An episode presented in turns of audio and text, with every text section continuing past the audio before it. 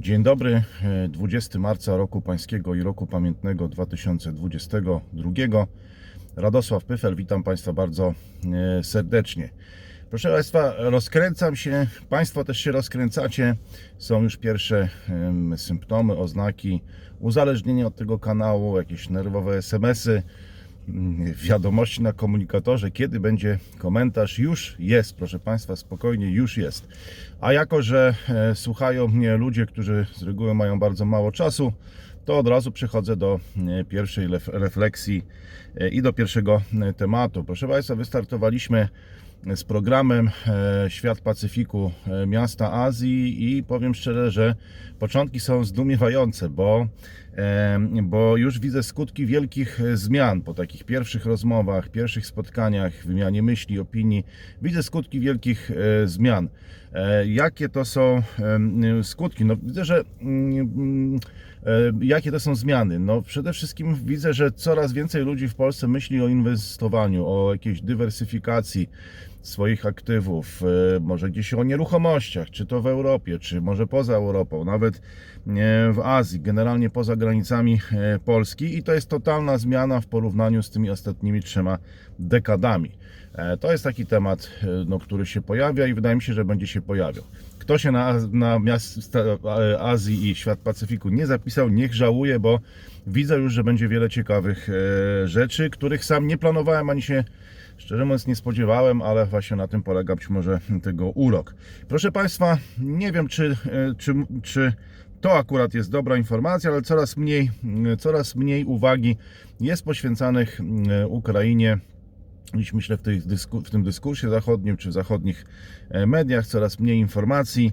E, Wydaje mi się, że możemy mówić o zjawisku powszednienia albo też o zjawisku stabilizacji w tym 25 dniu wojny e, na Ukrainie. No dlaczego tak się dzieje? No przyczyny są, jest kilka, no myślę, że dwie najważniejsze, no to po pierwsze geografia. Tutaj na pewno wzbudzi to entuzjazm wielu słuchaczy czy widzów, bo jak geografia to geopolityka, a ta jest w Polsce bardzo popularna i służy jako takie narzędzie do wyjaśniania tych różnic. No po prostu te kraje są położone w zachodniej części kontynentu, z dala od tego konfliktu, więc ich spojrzenie, ich perspektywa jest inna i wynika to po prostu z geografii.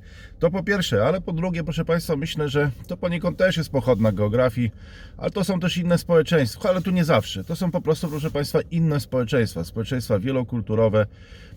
Często ludzie przyjeżdżają z całego świata, mają rodziny w Indiach, na Jamajce, nie wiem, w Afryce, w Ameryce Łacińskiej. Część oczywiście też w Europie Środkowej, na Ukrainie, ale to jest tylko część, więc te związki między Europą Środkową a Ukrainą są dużo bliższe niż te, które są e, na zachodzie. I proszę Państwa, tutaj pada pytanie, no, które no, prędzej czy później e, padnie w e, dyskursie publicznym, że tak powiem, na razie tutaj na tym kanale. No, kto ponosi koszty tej wojny e, największe? No oczywiście największe e, czy, i, i, czy, e, i czy Polska jest w czołówce, bo wygląda na to, że Polska przynajmniej na razie jest w tej globalnej czołówce. Takie pytanie zadałem wczoraj. Największe koszty ponosi napadnięta Ukraina, to nie ulega wątpliwości. E, To, co ciekawe, też napadająca czy agresywna Rosja, no też mm, przynajmniej na razie ja nie widzę jakichś wielkich zysków, raczej widzę stratę, raczej, raczej widzę koszty. No i pytanie pozostaje otwarte, kto, kto po tych d- dwóch krajach bezpośrednio prowadzących wojnę ponosi największe e, koszty. I ja tak szczerze mówiąc zadałem to pytanie wczoraj na Twitterze. Zastanawiając się, bo nie wiem tak naprawdę do końca, co się dzieje w Mołdawii, nie wiem, co się dzieje na Słowacji. E, Znaczy, przeglądam te informacje, ale nie, zastanawiam się, czy ten koszt ich jest większy niż e, nasz. No, gdzieś mniej więcej jesteśmy w tym peletonie krajów bezpośrednio dotkniętych, nie tak bardzo jak, e, jak Ukraina i Rosja, ale zaraz po nich.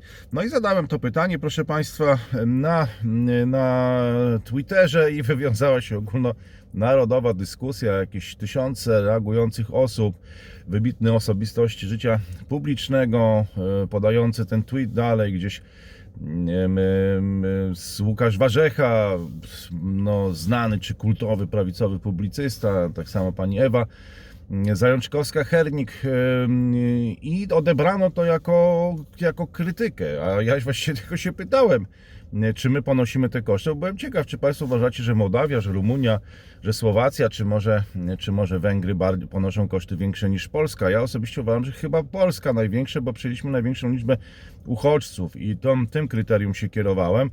No, ale okazało się, że puszczenie takiego pytania w przestrzeń publiczną jakieś po prostu były niezwykłe emocjonalne, niezwykłe emocje i niezwykle emocjonalne dyskusje. Oczywiście tam też podsycane e, w internecie, no bo e, z, przez różnego rodzaju właśnie hobbystów, którzy właśnie w wolnym czasie e, przeglądają różne ciekawe treści w internecie, między innymi ten kanał. E, No i tam to po prostu już kilka tysięcy e, w ogóle reakcji, setki komentarzy i tak dalej. Ogólnonarodowa debata. I proszę Państwa, kilka seria pytań teraz. Czy zdawałem sobie sprawę, że to będzie wywoływać emocje? Tak, zdawałem sobie sprawę. Mówiłem o tym już kilka tygodni temu, kiedy rozpoczęło się granie na gitarach, że ono zaraz się skończy i że za chwilę te, przed tymi pytaniami staniemy, więc czy zdawałem sobie sprawę, że to wywoła emocje? Tak, zdawałem sobie sprawę. Czy zdawałem sobie sprawę, że będą podsycane te emocje? Tak, zdawałem sobie z tego sprawę, nawet też to mówiłem kilka tygodni temu. Czy zdawałem sobie sprawę z tego, że będzie to tak szybko i że będzie wywoływać tak wielkie emocje już teraz? Nie, nie zdawałem sobie z tego sprawy, proszę Państwa. Myślałem, że będzie to że będzie to e, później po prostu, że to trochę potrwa dłużej. No jest 25 dzień. E, I zaskoczyło mnie to, że tego typu tweet wywołał tak wielkie emocjonalne reakcje, że jest taka, że jest taka emocja. E, Tego nie przewidziałem, przyznam szczerze, że to się stanie tak szybko. I nie wiem, czy dojdziemy do takiego momentu, że po prostu ten, te pyta- że tego typu kwestie staną się tematem tabu, tak jak na Zachodzie e, są to tematy tabu, że oni się szczególnie nie, nie dyskutują. Ludzie niechętnie o tym dyskutują, bo już tyle razy o tym mówiono, wywołało to tyle emocji, zawsze kończyło się nie, to e, wywołaniem po prostu eksplozją jakąś emocjonalną i nie zmienia to sytuacji. Nie wiem, czy w Polsce też, e, też to tak e, w tą stronę pójdzie, ale wydaje mi się, że teraz możemy zrozumieć troszkę bardziej społeczeństwa zachodnie, proszę Państwa, bo tam no i powody, dla których, dla których tam no po prostu pewnych tematach się nie dyskutuje, są tematy tabu. Mm, e, No w Polsce to jest e, pewnego rodzaju znajomość tych tematów tabu, no jest e, pewnego rodzaju przepustką do takiego statusu Europejczyka, ale tam jest to czysto pragmatyczne po prostu rozwiązanie i nie wiem, czy zaraz nie staniemy w Polsce przed taką, taką sytuacją i czy w Polsce nie, będzie podobnie. Oczywiście będzie to dotyczyć trochę być może innych, e, innych kwestii. E, Proszę Państwa, wydaje mi się, że warto mówić w tym kontekście o Mołdawii, właśnie o Mołdawii. Najmniej chyba nam znanej, przynajmniej mi osobiście, Rumunii, Słowacji, no i także chyba też i Węgrzech, gdzie często są to największe humanitarne w ogóle mm, e, akcje w dziejach tych krajów. Te kraje przyjmują po kilku, kilkaset tysięcy, to dla nich jest ogromny wysiłek również i wydaje mi się, że warto zwracać na to uwagę, że to jest nie tylko Polska, ale także te inne kraje sąsiadujące. Em, I warto też, wydaje mi się, em, no, w- w- po pierwsze pokazywać, co tam się dzieje. No to jest po prostu ciekawe, ale też w jakiś sposób także nas dotyczy, bo my jesteśmy w tej samej sytuacji. No a po drugie, e, takie pokazywanie, to już nie tylko jest informacja, ale wydaje mi się, że to też zdejmuje te emocje z Polaków. Jeżeli, jeżeli pokazujemy, że podobne rzeczy dzieją się w Mołdawii, podobne rzeczy dzieją się w Rumunii, na Słowacji czy na Węgrzech. E, Więc wydaje mi się, że no, w, ci z Państwa, którzy pracują w mediach, a wiem, że wiele też ogląda ten kanał, no to wydaje mi się, że tu można zrobić dużo dobrego, pokazując po prostu sytuację w tych czterech pozostałych krajach dotkniętych tą, e, tą, tą, e, no, tą, tą falą uchodźców. E, Proszę Państwa, też wydaje mi się, że warto współpracować z tymi krajami na forum międzynarodowym, współpracować dyplomatycznie, podejmować wspólne inicjatywy, no dlatego, że jedziemy na jednym wózku, a, a im dalej w las, no to tym ta perspektywa zachodnich społeczeństw i ich wrażliwość na niedolę i Ukraińców i skutki tej pożogi wojennej może być coraz mniejsza, może być zupełnie inna niż, e, niż u nas w regionie. I do nas ci mm, uchodźcy przybywają, a tam na zachodzie już wszyscy powoli zaczynają albo o tym zapominać, albo traktują to jako jakiś element może gry PR-owej, takiej nie, postpolitycznej. O tym jeszcze wspomnę e, na końcu tego komentarza, więc e, wydaje mi się, że no to jest oczywiście jest banalna rekomendacja, ale Na ile to możliwe, zresztą w ogóle Węgry, Rumunia, e, Słowacja, e, Mołdawia, Polska. Mołdawia też nie jest e, członkiem Unii Europejskiej, ale wydaje mi się, że takie inicjatywy warto by na forum międzynarodowym podejmować, koordynować te stanowiska. No bardzo ciekawi mnie Mołdawia i nie zazdroszczę jej położeniu. To jest niewielki kraj, a przyjął ogromną liczbę uchodźców. Nie jest krajem Unii Europejskiej, bo my być może jeszcze możemy, na pewno w jakimś stopniu możemy liczyć na pomoc Unii Europejskiej mniejszą lub większą, ale jakąś na pewno tak. Mołdawia e, pewnie tej opcji nie ma. No i w ogóle jest w takiej geopolitycznej próżni, bo gdyby ten Kijów został zdobyty w 2-3 dni, a dzisiaj przypominam, mam 25 dzień, to nie wiem, czy to nie byłaby realizacja mm, tego słynnego powiedzenia Lecha Kaczyńskiego, w którym akurat Mołdawia się nie znalazła, ale może tym razem już ona nie umknęłaby uwadze, że najpierw Gruzja, potem Ukraina, potem państwa bałtyckie, no a po drodze jeszcze gdzieś no, nie wiem czy Białoruś, ale, ale być może Mołdawia. E, Także proszę Państwa, Mołdawia ciekawa sytuacja i ciekawa sytuacja na Węgrzech, bo one już mają doświadczenie. To nie jest pierwszy raz, kiedy spotykają się z tą falą migrantów. Jak pamiętacie Państwo, ten południowy korytarz, kiedy migranci e, uciekali z Syrii, no to, no to przeszli przez Węgry.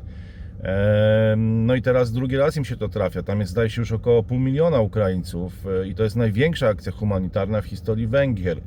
Zdaje się, więc nigdy, nawet ta, ta poprzednia fala nie była tak liczna, a wtedy wywołała tak wielkie emocje.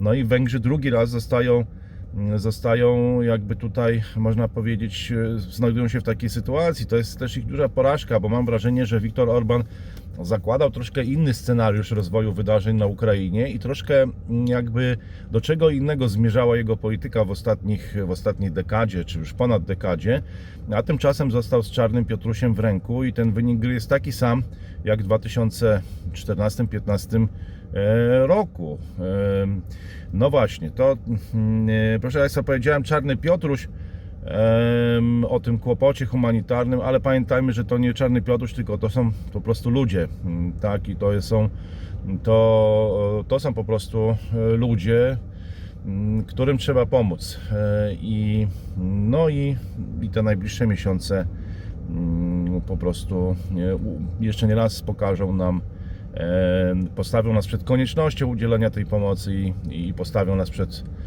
w tej sytuacji. E, Proszę Państwa, m, zachorował znany e, komentator, taki odnośnie spraw międzynarodowych. Mieliśmy się spotkać na jednym z zamkniętych e, spotkań. Niestety COVID e, go wykluczył, wylądował w szpitalu. E, Życzę mu powrotu do, e, do zdrowia. E, Mam nadzieję, że to nastąpi szybko. Proszę Państwa, zastanawiam się, czy uchodźcy, m, którzy przyjechali do Polski, już 2 miliony, czy tam są sprawdzane paszporty, jakieś dokumenty te zdrowotne i czy, nie wiem, czy są jakieś przeprowadzane testy. No bo proszę Państwa, to jest bardzo duża grupa e, ludzi. Nie wiem, czy to już znaczy, że my wchodzimy w jakąś nową falę, mm, w nowy jakiś etap, bo wcześniej bardzo ostro, surowo, e, no, można zadać pytanie, no dwa lata temu e, bardzo zdyscyplinowana reakcja społeczeństwa, no ale teraz 2 miliony ludzi tak wjeżdża i bardzo jestem ciekaw, jaką Państwo macie wiedzę na ten temat. E, Czy tam są jakieś procedury właśnie te zdrowotne? Myślę, że to jest bardzo ważne, bo porównajmy chociażby Polskę z Chinami, proszę Państwa. Pamiętacie Igrzyska Olimpijskie, jakie były tam niesamowicie restrykcyjne e, procedury dla sportowców, gdzie ich badano kilkukrotnie i tam podniósł się larum, dziennikarze mówili, to sportowcy, działacze, że to jest straszne, jak tak można, że to jest nieludzkie, niehumanitarne. A tymczasem, proszę Państwa, po drugiej stronie świata, w Polsce tak 2 miliony ludzi sobie wjeżdża, i właściwie chyba ten aspekt zdrowotny jakoś nie jest w ogóle podnoszony. Tak jakbyśmy chyba uznali, że dwa lata i wystarczy i ta właśnie choroba ciężka no, tego komentatora przypomniała mi o tym, że proszę Państwa, pandemia się nie, no, może jeszcze wyrządzić szkodę na zdrowiu, więc proponuję też, żeby uważać. I teraz porównując Polskę z Chinami, no to to jest tak, jakby w Chinach wpuścić po prostu 70 milionów ludzi bez żadnych y, testów, y, bez niczego. No, widzicie Państwo, jak Chiny skrupulatnie do tego wszystkiego podchodzą. Olimpiada to pokazała. I gdyby przy zachowaniu tych proporcji, gdyby to oznaczało wjazd 2 milionów ludzi do Polski, to tak jak wjazd 70 milionów ludzi do Chin. No ja sobie nie wyobrażam, żeby to e, poszło tak na żywioł, ale, mm, ale oczywiście pamiętajmy o tym, że Chiny to Chiny, to jest e, tradycja konfucjańska, merytokratyczna.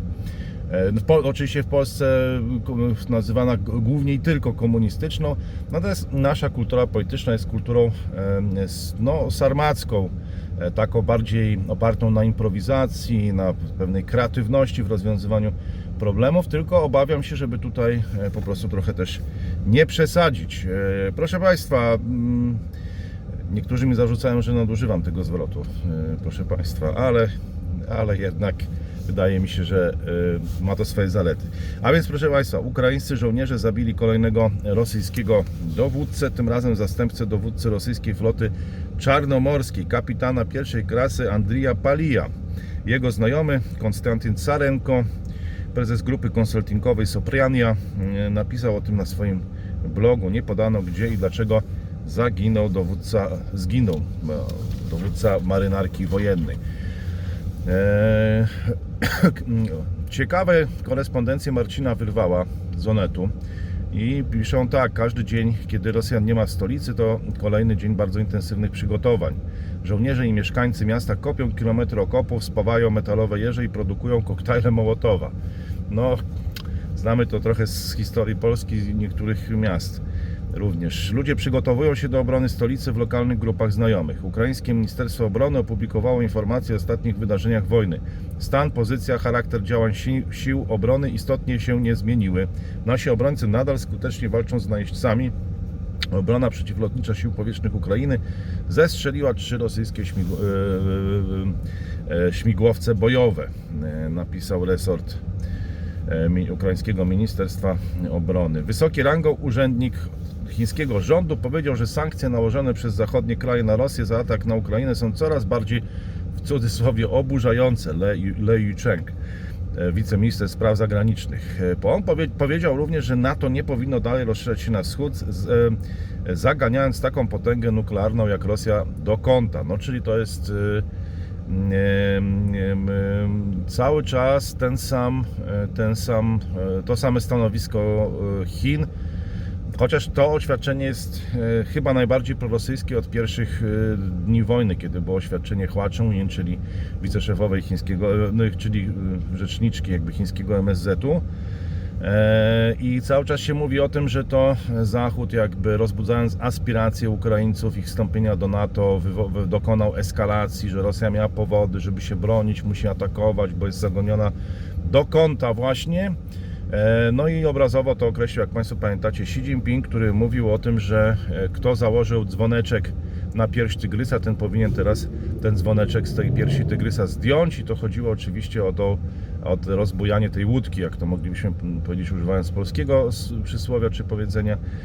No i to oświadczenie idzie w tym kierunku. Dalej mówi e, Lei Cheng, czyli, czyli wiceminister spraw zagranicznych Chin, że sankcje wobec Rosji stają się coraz bardziej skandaliczne, powiedział Le na Forum Bezpieczeństwa w Pekinie. Dodał, że obywatele rosyjscy są pozbawiani majątku zagranicznego bez powodu. Historia wielokrotnie dowodziła, że sankcje nie mogą rozwiązać problemów. Sankcje zaszkodzą tylko zwykłym ludziom, wpłyną na system gospodarczy i finansowy i pogorszą stan światowej gospodarki. No, e, proszę Państwa, e, nie wiem na którym miejscu sklasyfikować Chiny, jeśli chodzi o koszty tego konfliktu e, wojennego na Ukrainie, ale raczej nie w czołówce, tak jak e, Polskę, Słowację, Mołdawię, Rumunię czy Węgry. No a to oświadczenie no, jest, jest właśnie tym takim ruchem węża, o którym mówię. E, Mieści się w pewnym schemacie takim. Raz wystąpienie prorosyjskie, potem jakieś takie słowa otuchy dla Ukraińców, wezwanie do dialogu, no i potem em, często właśnie tego typu też oświadczenia. Ono następuje, proszę Państwa, właściwie dzień po tej rozmowie Bidena z Xi Jinpingiem. Czyli znowu widać, że ta rozmowa nie przyniosła zmiany tej strategii, którą tutaj już opisuję od kilku tygodni, w której także, proszę Państwa, zachęcam na stronach Polska The Times ukazał się taki wywiad, taka rozmowa, o którym przeprowadziliśmy ją we wtorek. Ona została opublikowana w piątek. Niczego z tej rozmowy bym nie zmienił. E, Niczego, wszystko powiedziałbym tak samo, chociaż było to jeszcze przed rozmową e, Xi Jinpinga z Joe Bidenem i było to przed tym oświadczeniem właśnie Lei Chenga, wiceministra spraw zagranicznych Chin. Polecam e, zapoznanie się z tą rozmową, zostawiam Państwu link w opisie do filmu do Polska The Times.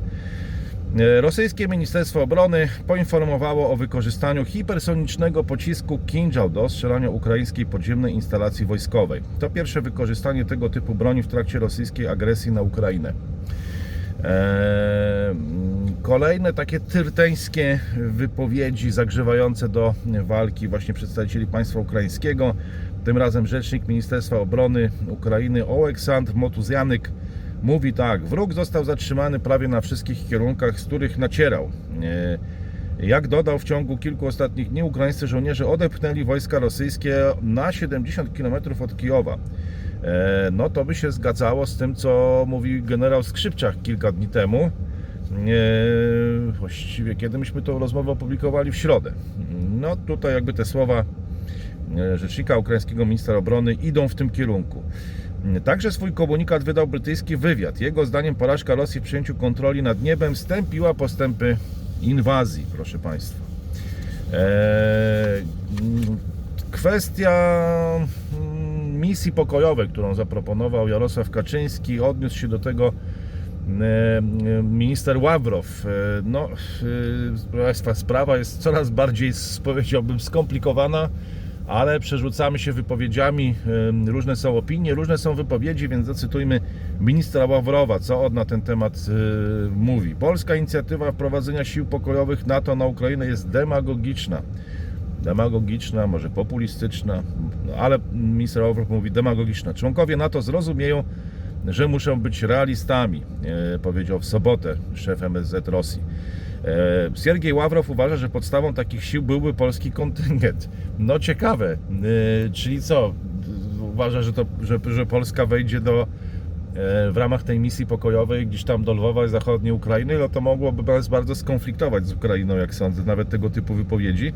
Jarosław Kaczyński powiedział, stwierdził w TAS, właśnie minister Ławrow, że Polska planuje przejęcie kontroli nad zachodnią Ukrainą na czele z Lwowem. Jarosław Kaczyński powiedział z kolei w Kijowie, że w Ukrainie potrzebna jest misja pokojowa. Prezes PiS mówił, że powinna być wysłana przez NATO lub szerszy układ międzynarodowy. Powinna to być jednak misja, która będzie w stanie się e, bronić. No, yy, to już komentowaliśmy w poprzednich e, filmach. Zobaczymy, jak się rozwinie ta koncepcja. E, Na razie festiwal oświadczeń z wielu stron. Wypowiedzieli się Amerykanie, teraz Rosjanie. Wszyscy się sceptycznie wypowiadają, chociaż z różnych powodów. No ale zobaczymy. Natomiast wypowiedział się też e, Wołodymyr Zełenski, co też może Państwa zainteresować, który znowu nawołuje do rozmów i mówi czas na konstruktywne rozmowy pokojowe z Rosją. Więc co chwila obie strony wzywają do rozmów, po czym te rozmowy są zrywane, bo okazuje się, że Rosja na przykład wzywa do świata bez nazizmu i do, do auto, żeby właściwie Ukraina się z autodenazyfikowała i tak dalej, i tak dalej. Ale oddajmy głos prezydentowi Ukrainy, który mówi, wzywając do tych konstruktywnych rozmów pokojowych z Rosją powiedział, nadszedł czas na spotkanie. To jedyna szansa dla Rosji. No, teraz role się jakby trochę odwracają, widzę w tych oświadczeniach i to Ukraina mówi, że to już ostatni raz i że to ostatnia szansa. Eee, dodał, że rosyjscy żołnierze mają wyraźny rozkaz, by doprowadzić do katastrofy humanitarnej w miastach. Ma ona się stać argumentem dla mieszkańców do współpracy z okupantem.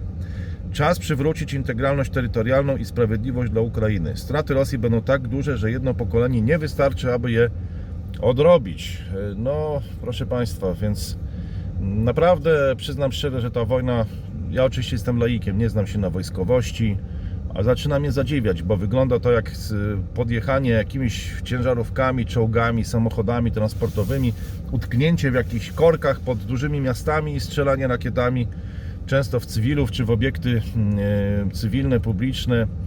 No, przy- przyznam szczerze, że, e, że mm, taka to jest nie tyle zimna, co dziwna wojna. Jej elementem jest także ta wojna dyplomatyczna, oczywiście informacyjna i polityczna, chociażby mm, taka wiadomość, że opozycyjna partia, e, opozycyjna platforma Za Życie, partia Sharia, blok opozycyjny czy lewa opozycja, te partie e, ukraińskie zostały, ich działalność została zawieszona. O tym poinformował też Wołodymyr Zełyński. Wyjaśnił, że w warunkach wojny nie mogą funkcjonować jawnie prorosyjskie ugrupowania. No, ja ciekaw jestem, jak to tak dłużej jeszcze potrwa i tak przyglądam się tym dyskusjom w Polsce, czy to się nie skończy też tym, że, że i Judas y, pewne, no, czy, będ, czy będą warunki do takiej swobodnej dyskusji, swobodnej debaty w ogóle.